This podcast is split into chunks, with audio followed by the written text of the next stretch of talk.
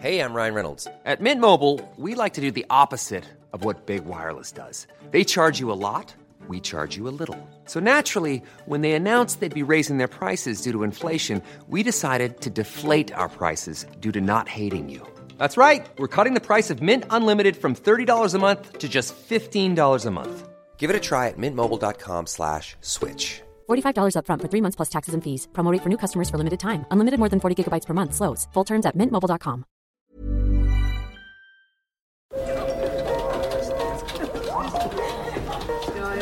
Dette er lyden av norsk næringsliv. Akkurat nå tas det små og store valg som kan bli avgjørende for fremtiden. Med økonomisystemet X-Leger tas disse beslutningene basert på informasjon i sanntid, slik at drømmer og ambisjoner kan bli virkelighet. Få kontroll og oversikt. Gå inn på xledger.no. Denne sendingen er sponset av Xleger.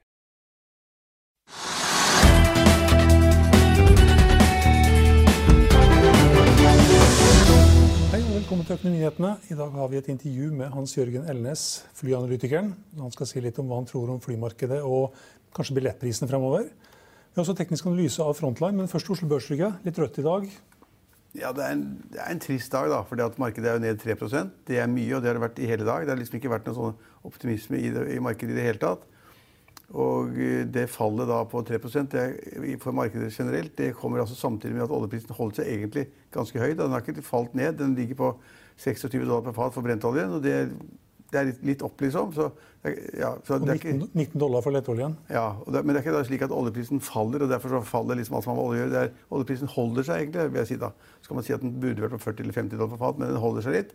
Og Likevel så faller da oljeaksjene 4-5-6% og Equinor liksom, og Aker BP har falt liksom mellom 4 og 6 i dag. Det er ille. For det Equinor er faktisk ned 7% Ja, og det er et veldig dårlig signal. at De tror da ikke på en veldig kraftig økning i oljeprisen i det hele tatt. Tror på svak oljepris sannsynligvis, og dårligere inntjening for oljeselskapene. og da hvis oljeselskapene har dårligere inntjening, og da minus 7 tyder på at markedet ikke tror noe særlig på oljeselskaper, så vil de bruke, som jeg har sagt som veldig mange ganger før, men som er viktig å gjenta, så vil de jo da bruke mindre penger på å lete etter ny olje. De vil liksom bruke mindre penger på seismikk, mindre penger på drilling, mindre penger på alt som har med servicetjenester å gjøre. Og alt er elendig. Og det er ikke blitt noe bedre i dag, og det ser vi også på at taperne er liksom innen seismikk eller olje. olje. Uh, så, ja, det, så det liksom, det utgangspunktet er veldig dårlig. Men markedet har ikke brydd seg så veldig mye om oljeselskaper og Equinor og Aker BP. De har jo brydd seg om uh, flyselskapet Norwegian i dag. men ja, kan du ta med, før vi tar Norwegian, kan du ta med at det er et par andre gjenganger også på tappelista vår. XXL f.eks. ned 9% Ja, og så faller og det er til tross for at eier, eller kanskje pga. At hovedeieren da øh, har da solgt mesteparten av aksjene sine mm. til, til, den nye konsernsjefen. Men markedet syns ikke det var noe gøy likevel. Har sendt den ned av nesten 10 og det, ja, Så ser vi det at uh, Hydro, som altså er det store tunge aksjeselskapet selskapet som jeg har vært ganske negativ til, da, fordi de alltid snakker så mye om det skal bli så mye bedre, gjøre kostnadsprogrammer i øst og vest osv. Men i, går, i dag har det falt ned 5-6-7 og er da ned på 24 kroner. Og det var mange som tenkte det var utenkelig at Hydro skulle gå under 30 kroner. Og den er kraftig under. Og det, selskapet er på en måte de er jo i den situasjonen at de gjerne vil bli bedre, gjerne har kostnadsprogrammer og kutter og gjøre de bedre tingene, men så er de avhengig av aluminiumsprisen. Og så er de avhengig av mange andre ting, og de får ikke til. Altså, de Hydro får det ikke til. Men det er masse selskaper, Storbrann er jo ned 3-4% i dag også, som da mange trodde ville være en kanon på børsen fordi de da skulle øke utbyttet og de skulle tjene penger. Og så viser det at renten faller, slik at de har altfor liten rente til å kunne tjene penger på rentesiden. Og så, Det er blitt feil der også. Det er masse selskaper, det er bare to selskaper som er på plussiden i dag. i det hele tatt. Og det er Norwegian og Norwegian, og så er det da Bergen Bio. Og Bergen Bio, som da har, Det siste selskapet har ikke jeg spesialkunnskap om. Men det er jo da et selskap som da er inne i, inn, inn i enten da farmasi eller legemiddel, og de er med på noen tester og greier, som kan være positivt. Og medisin for korona. Ja, eller covid-19. Ja, så, så det, folk satser på det, og de har hatt en kjempeoppgang. og Det er en del kjente investorer som er der. Men det er det ene selskapet som er opp, og da er det en, forklaring på det, hvorfor det er slik. At de kanskje kan komme i en loop hvor de tjener masse penger, fordi at man da finner en eh, vaksine eller, eller en test eller hva som helst, noe som er positivt. og er, Nå vil jo folk ha noe og, og positivt også, ikke bare negativt. Og så er det Norwegian, som er da opp 10-11% og som har vært opp Det var vel oppe i 7 kroner eller noe sånt. rundt Det er bare fullt i sånn... Det var vel opp 35% på det meste? Ja, men det er ikke det rundt 7 kroner, eller hva blir det for noe? Et eller annet sånt nå. Og nå har det falt litt ned, det er bare opp til 11% men der er det jo da For det første, det, vi først kan si, som alle vet, da, nå vet jo alle at de kommer gjennom da, denne konverteringen av gjeld til aksjer. De kommer gjennom det at aksjonærene som var i selskapet, godtok denne konverteringen og de kursene. Eh, Og de kommer gjennom da det at leasingselskapene, som da Norwegian skylder penger i øst og vest, og i leas- leasingselskapet hvor det er leid fly. Og de skal også omgjøre ganske mye av sine krav til aksjer. slik at Norwegian blir et nytt selskap med veldig mye mer egenkapital, liten gjeld, men en forferdelig gjeld å betjene. Eh, Ja, for den gjelden er vel ikke liten? Nei, da, nei også, også, men, men poenget er da at uh, hva er da verdien av selskapet? Da, etter at man har fått og konvertert masse gjeld til aksjer og konvertert uh, leasingselskapene krav til aksjer, og, og har vedtatt å ha en ny emisjon på 400 millioner, og har vedtatt å ha en ny emisjon til neste år også, kanskje, for å skaffe da ny egenkapital. fordi staten var ganske slu denne gangen og sa det at liksom, du må bare gjøre sånn og sånn og sånn. Og sånn. Og så må dere også ha en ny egenkapital, som er veldig vanskelig når det er i ferd med å gå konk. Men det sa da staten at de ville ha, og det fikk de til slutt. Eh, Og da får da Norwegian utbetalt 2,7 milliarder kroner i sånn eh, statsgarantert lån eller sånt. Ikke tilskudd, men en form for lånepakke. Så alt har gått Norwegians vei i dag. Men er aksjonærene blitt rikere eller fattigere av det? Og jeg, altså, når handles, aksjekursen handles rundt, rundt sy- ja, 6 kroner, da.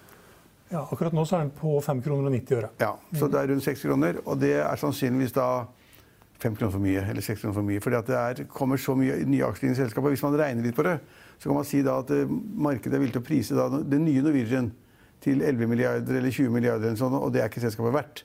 Fordi at selskapet har selv sagt nå det, at et, selv etter denne kjemperestruktureringen av gjeld og alt mulig rart, som er godt jobba, for å si det slik, så, så, eh, så vil de da fly det kommende året. Jeg tror Finansavisen ennå hadde en eh, nyhetsinnslag om det. At de da vil fly da det kommende året til april neste år, april 21, så vil de eh, operere da syv fly i Norge. Syv Ja. fly. Det er ikke store, fly. det er ikke store fly- Det er sånn flyselskaper. som du og jeg kunne operere. Det er, det er, det er, jo ingenting. Altså, det er et bitte, bitte lite flyselskap som, som ikke kan tjene penger. Så hvorfor de gikk ut med den meldingen om at de skal da være så små og kjempe for å tjene penger og være nøkterne og fly med syv fly, det skjønner jeg ikke. For det er, det er jo ingenting. Og hvis det da går tilbake til den avtalen jeg har inngått med staten om å få litt penger for å da opprettholde et visst minimum av flynett til Norge, så, så jeg skjønner ikke helt det der. Og, jeg, og, og vi, med alle de nye aksjene som har kommet, som, som da ennå ikke er klare, for de skal jo da konvertere disse, låne, disse lånene til aksjer, og så skal de da ha emisjonen. Til hvilken kurs vet man ikke. Nei, Vi vet ikke konverteringskursen på obligasjonslånene, Nei. og vi vet ikke konverteringskursen på leasinggjelda, og vi vet ikke kursen på emisjonen. Og den neste emisjonen. Og la oss si at du får da så mye som man, mange nye aksjer som man kan frykte, så er det en, Skal vi ta en wild guess, så er den aksjekursen kanskje ikke verdt mer enn 50 øre. Eller en krone. Da får vi vite da emisjonskursen eh, Den skulle komme nå i ettermiddag. Ja, ok. Jeg har ikke sett at den har kommet ennå, men den skal i hvert fall eh, settes i, eh, i dag. Ja, og de, men de som da tegner den emisjonen, som sier at kursen, la oss si at kursen i dag er 5-6 kroner per, per aksje, da, så vil jo ikke de betale det samme der. Så de vil jo da for å være med på en sånn em- emisjon, sånn nød, nødemisjon, så vil jo de da kreve en emisjonskurs som er langt lavere, for å da få da en relativt høyere andel av selskapet til en lav pris. Og det har de lovet. Ja, og det er ABC. Men, hva, om da jeg, men altså, det, kanskje, kanskje er Norwegian da ikke verdt mer enn 50 øre eller en krone. Så det, det har vært en spennende dag, og det har skjedd masse. og Det har vært Norwegian i alle, alle kanaler hele tiden. Men, men, og, og de overlevde, de slapp en konkurs. Men en konkurs var liksom aldri aktuelt heller. fordi Hvis noen skulle begjært i konkurs, og det hadde blitt en konkurs, så måtte da kjøperen av konkursboet brukt masse penger på å inngå nye leieavtaler med fly, kjøpe nye fly, landingsavgifter, landingsrettigheter, betale drivstoff når de kommer til utenlandske, utenlandske flyplasser osv. Ingen som hadde giddet å bruke penger på det. Absolutt ingen. Men, men syv fly i Norge og ti fly totalt, tror jeg jeg har hørt. Hvordan Ja. å drive et, selskap lønnsomt med, et flyselskap lønnsomt med så få fly? Jeg mener absolutt nei, men jeg kan jo ikke da detaljene i det. Men det er Du må jo ha en viss stav, du må ha et visst agentapparat, du må ha et visst salgsapparat. Bookingen, administrasjonen, dine folk på flyplassen osv. Det blir ikke penger av. Og så er det litt avhengig av hvilken pris man får for det man flyr, selvfølgelig. Men jeg kan jo ikke tenke meg at de blir så veldig godt betalt for flybilletter når verden er full av fly og flyselskapene står i kø for å komme hit. og ja, Det kan jo godt tenkes at Ryanair plutselig dukker opp i Norge. Hva vet vi? Og det kan man ikke nekte dem. Nei. Men, men det høres jo litt ut som at hvis de skal bare fly med sju fly i Norge, så må jo de bli fulle. Hvis de går på de rette rutene. Ja, det er klart at det, det blir alltid folk som vil reise mellom Oslo og Bergen. Eller Oslo og Stavanger. De flyene blir kanskje fulle. Men eh, det blir en endring i, i reisemønsteret. Altså det blir færre som flyr, og de er, til, de er, er ikke å betale så veldig mye. Men business people som skal da til Stavanger eller Bergen, eller til Tromsø for den saks skyld, de vil jo fly. Og det er ingen som begynner å bile til Tromsø. Altså, og det går ikke tog dit, faktisk. Så, så, men, men, det høres rart ut, hele greia. Altså, det, det, det, seieren er i dag at jeg reddet Norwegian fra en konkurs som ikke var veldig likely. Mm. Uh, og så har de fått da tvunget alle långivere i kne. Det er godt gjort. Og så har de tvunget Dette er lyden av norsk næringsliv. Akkurat nå tas det små og store valg som kan bli avgjørende for fremtiden. Med økonomisystemet X-Leger tas disse beslutningene basert på informasjon i sanntid, slik at drømmer og ambisjoner kan bli virkelighet. Få kontroll og oversikt, gå inn på xledger.no. Denne episoden er sponset av van Brun, en fremtredende smykkeforhandler kjent for sitt brede utvalg av forlovelsesringer, gifteringer og diamantsmykker som bæres og elskes i generasjoner. Et frieri er en av de største øyeblikkene i livet, hvor forlovelsesringen er et tidløst symbol på kjærligheten. Valg av ring krever omtanke for både hvilket metall og diamant. Med et bredt spekter av både naturlige og labdyrkede diamanter, og metaller som platina, gult gull, hvitt gull og roségull, hjelper de deg med å sette et personlig preg på din kjærlighetshistorie. Van Brun vil gjerne invitere deg til å prøve på tre av dine favorittringer fra nettsiden helt kostnadsfritt. Du kan også låne et bredt spekter av frieriringer, slik at du og din forlovede kan velge en ring sammen etter det store ja. Van Brun tilbyr 90 dagers åpent kjøp og 90 dagers gratis størrelsesjustering. Utforsk deres eksklusive sortiment i luksuriøse omgivelser. Bok en konsultasjon sammen med en diamantekspert i deres showroom i Oslo. Eller online på vanbrun.com. V-a-n-b-r-u-u-n.com. Det er godt gjort. Og så håper de på noen emisjoner som det er at de får til, og det får de kanskje til. De har kanskje hatt, har noen avtaler, de har ikke sett etter om de har noen avtaler med noen som har vært villig til å tegne sånn hemmelig på hvilke kurser? Jeg har ikke sett noe garantikonsortium. Nei, jeg, jeg har sett det heller. Det pleier man å gjøre i sånne sammenhenger. Da, men men Bjørn Kjos har sagt at han uh, vurderer å være med. Det, det håper jeg for hans del at han ikke gjør. Han har tapt så mye på det selskapet nå at han burde ikke bruke mer penger på det. Men det er hyggelig at han sier det. Men det kan også ville det markedet litt. Da. Ja. Han burde kanskje ikke sagt det uansett. Er dette her bra for SAS? Det er jo bra for SAS at de blir kvitt en altså ikke blir kvitt, da, men for det, De får en mye mindre konkurrent enn de hadde? Ja, en tøff konkurrent før, som på en måte var etter dem hele tiden, og som hadde tatt mer enn 50% av markedet, som Norwegian har gjort. Og som var aggressive hele tiden. og SAS hadde relativt gamle fly, og så skulle de få en ny, nye fly. Men altså, SAS var taperen i denne fighten hele tiden. Norwegian var aggressive, hadde nyere fly, også på langdistanserutene. Uh, og, og SAS skulle komme, og Men altså for, for, for, altså for, SAS så er det den utgangen for Norwegian nå sannsynligvis det beste som er. De fått litt mer ro, de kan liksom få litt høyere priser og drive sin flåte. Men begge flyselskapene ligger dårlig an. Ja, det er jo litt spennende å se også hvordan etterspørselen blir når vi begynner å få letta litt igjen på disse her eh, koronarestriksjonene. Ja. Om etterspørselen etter flyreiser er like stor som den var. Men det viktigste er at etterspørselen etter flyreiser ut og inn av landet. Det er det som er poenget. Altså, får du ikke noen reiser inn, eller hvis alle som kommer til Norge må ha to ukers karantene, eller nordmenn som reiser ut, kommer tilbake med to ukers karantene, så får du ikke, får du ikke noe volum på flytrafikken i det hele tatt. Ja. Hvis du får bort de reisebegrensningene på landene imellom, innen EU og innen Schengen, eh, og du kan da på en måte reise frem og tilbake uten å ha da karantenebestemmelser, så, så kan det hjelpe. Men det er, det er, det er ikke bra. og så ser, ser, vi at nå, det norske markedet er ned 3% og samtidig så er det amerikanske også litt ned. Det kommer dårlige meldinger. Det kommer, til, kommer nye makrotall fra Amerika som er dårlige på løpende bånd. Og det vil da på en måte legge sånn litt sånn klam, hu, uh, klam klut, heter det vel, uh, over aksjemarkedene ute også, og det er heller ikke bra. Ja, vi ser at Dow Jones er ned 1,5 og Nasdaq er ned 0,6% nå. Ja, så det, har kanskje steget litt fort litt for ja, Det, det tok, litt tok igjen veldig mye og det gikk for raskt opp, sannsynligvis. Ja. Men, men men vi, vi ser jo ikke noe tegn på at makrostørrelse er bedre. Det eneste vi ser, er faktisk at det kommer noen meldinger i Europa om at landene åpner litt opp, sånn som Frankrike, som sier at hvis det er riktig, da, som sier at de skal, de skal, la alle folk få reise i, i, ut og inn av Frankrike hvis de kommer fra Schengen-området eller EU. Og det er bra. Det betyr, da blir det reiseaktivitet innen Schengen. Det er bra. Det er litt positivt. Og det kommer sikkert andre land som også åpner opp litt. For å få, altså Italia er jo tomt. Det er jo ingen mennesker. Alle gatene er tomme. Frankrike må da kjøretillatelse for å få lov til å være ute mer enn en time.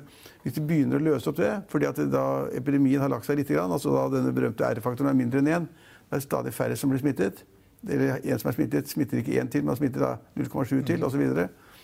Og det, det er en del sånne signaler som er, ganske, som er litt positive nå. Da. Så jeg, Ja, så hører du Bilfabrikkene begynner å åpne litt opp igjen, men uh, Ja, Men bilfabrikkene har jo ikke solgt noen ting. ikke sant? Nei, Det, det, det, du selger jo ikke jeg vet ikke hvordan det er med etterspørselen. Nei, det er ingen som skal ha biler nå heller. Og, men det var en liten positiv ting som jeg ikke helt skjønte, faktisk. Det var det Valenius Wilhelmsen, et, et sånt shippingselskap, shippingselskap, som da hadde fått en kontrakt på 20 milliarder kroner med det amerikanske eh, forsvarsdepartementet.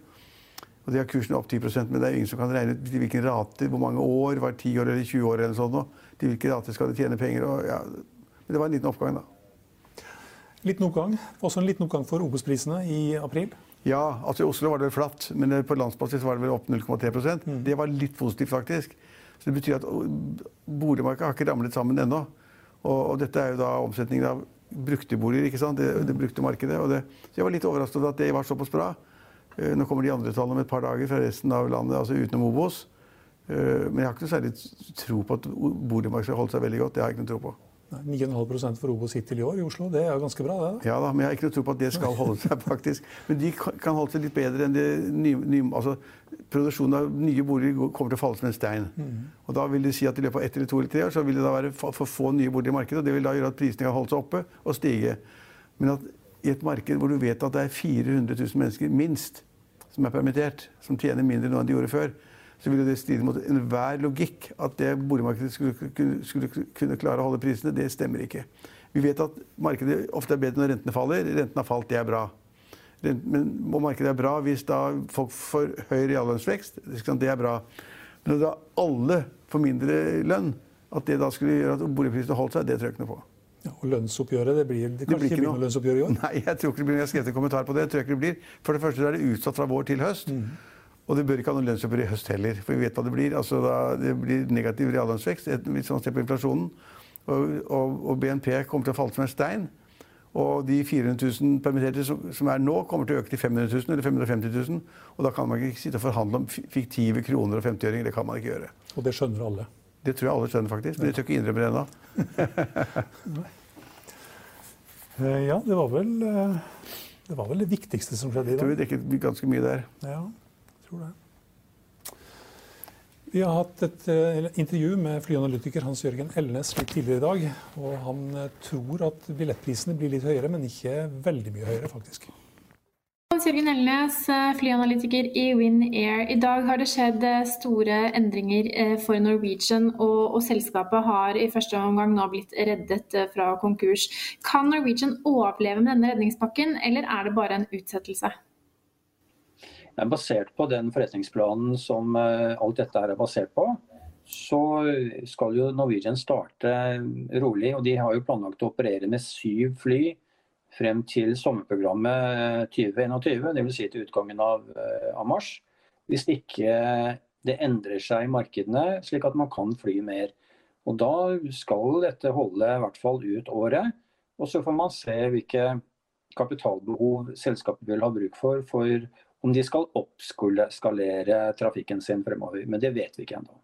Så selv, selskapet får starte på en måte med blanke ark eh, og en, en eh, ny mulighet, men, men det vil sikkert eh, innebære også tøffe beslutninger. Hva, hva tror du selskapet har i vente?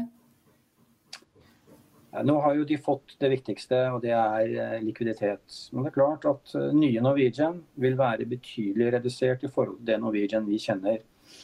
Og da blir det færre fly, det blir færre destinasjoner, det blir færre ansatte.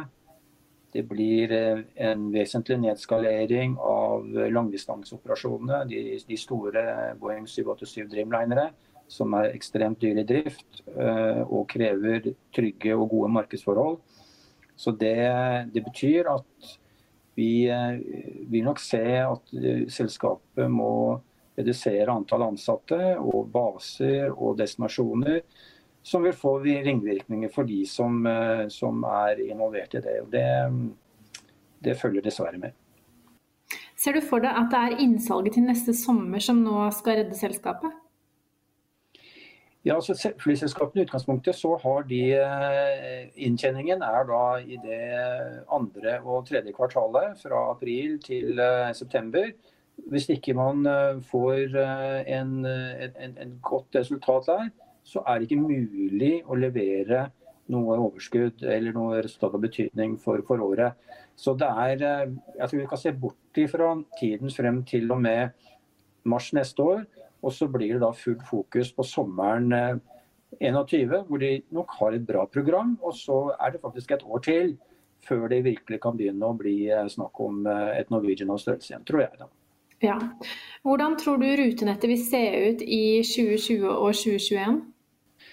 Nå tror jeg at vi vil se Norwegian fly innenlands. Eh, og etter hvert som man slipper opp på eh, muligheten til å reise rundt og sosial avstand og dette her innenlands, så vil man eh, starte på Stavanger, Bergen, Trondheim, kanskje noe ruter nord til Bodø og Tromsø. I størst grad. Og så de andre, Ålesund, Kristiansand og andre litt mindre destinasjoner etter hvert. Men de må regne på hver eneste rute her. Og så må vi jo se at SAS, SAS også vil jo da være en konkurrent. Og de har jo også sagt at de skal nedskalere og være veldig forsiktige med hvordan de skal åpne trafikken sin. Så her, uh, her vil de nok føle på hverandre. og uh, Jeg tror ikke noen flyselskap tar noen sjanser av noe slag akkurat nå. Hva tror du dette vil ha å si for billettprisene fremover? Ja, en ting er jo sikkert at eh, flyselskapene har kommet til å pådra seg mye mer gjeld enn det de egentlig har hatt interesse av å gjøre. Bortsett fra med Norwegian, som har kvitta seg med en del gjeld og fått aksjekapital istedenfor. De siste tallene jeg har på europeisk basis, om snakker vi alle de store flyselskapene, så er godkjent og prosesser underveis eh, for støtte på rundt 350 eh, milliarder norske kroner. Eh, og dette er jo beløp som staten, eller de som finansierte skal ha tilbake igjen.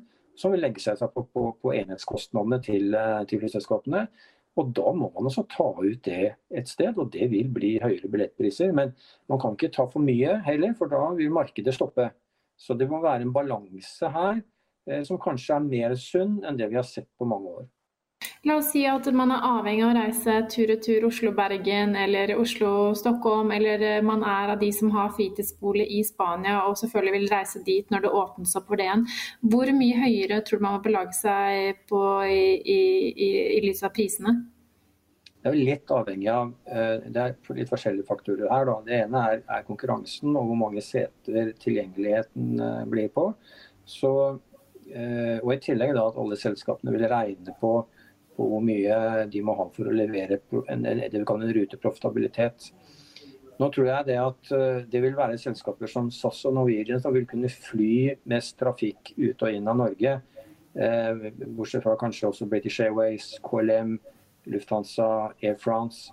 Men når vi tenker på mange andre lavprisselskaper som kommer lenger sydfra, så tror jeg kanskje de vil jobbe mest i eh, litt mer trygge markeder. Så det tar tid før den trafikken kommer tilbake igjen. Og Da vil SAS og Norwegian være forholdsvis alene på rute til kanskje Barcelona, Alicante, Malaga, Kanariøyene, Mallorca og sånne ting. Og det vil selvfølgelig også påvirke prisene. Men igjen, er billettprisene for høye, så holder markedet tilbake igjen, selv om man kanskje lengter etter sola nå. Så det er vanskelig å gi deg et godt svar på det, men det blir ikke en dobling av prisen som noen har forstått. Det, det ser jeg ikke for meg. Og hvis du skal oppsummere hva Du har jo vært eh, rundt og kommentert eh, situasjonen hittil i dag. Er du mer eh, positiv til fremtiden til Norwegian nå enn du var før vi gikk inn i helgen? Selvfølgelig så er det det. Men, men vi kan ikke si det sånn at ja, nå er alle problemene løst på Norwegian. Nå starter de med, med blanke ark, med, med, nye Norwegian, og har fått uh, kapital, uh, likviditet, inn i selskapet. Og det var jo tydelig at uh, det var denne uken så var kassa tom. Så det kom i grevens tid. Så nå må selskapet sitte og regne og se på hva de skal gjøre. Og så vil de ha en konservativ approach da, mot de, hvilke ruter de skal på en måte plukke opp her, og hvordan de skal gå fremover. Men mye styres som sagt av hvilke tiltak myndighetene både i Norge og i utlandet gjør. Og, og hvordan flyselskapene kan, kan, operere. Men det vi håper, vi som følger markedet tett, er at det kommer en, en felles europeisk løsning som gjør at flyselskapene kan jobbe på én plattform. Og ikke slik at eh, Norge gjør én ting, Sverige gjør det, Tyskland gjør så, Lufthansa gjør det og British Airways gjør sånn. Det, det, vil hemme den veksten som flyselskapene trenger nå, tror jeg. Ja, vi var innom Norwegian. Kan også ta med at uh, Hvis vi tar med dagens antall aksjer, som er 164 millioner, så er antallet nye aksjer da etter denne konverteringen og den konverteringskursen på 3,8 kroner, den er da på 3,8 Det blir da 3,14 milliarder aksjer. I Finansavisen i morgen kan du lese Trygdenes leder om hva som er best av lønnstilskudd og permisjonspenger. Alt om redningsoperasjonen og hva den forrige Norwegian-sjefen Bjørn Kjos sier nå. Og at konkurransen i forsikring er for dårlig. Husk også at du kan høre våre børskommentarer og gjesteintervjuer i vår podkast. Den finner du på finansavisen.no. slash podcast. Det var det vi hadde for i dag, men vi er tilbake igjen i morgen klokken 10 og klokken 15.30. Følg med oss igjen da.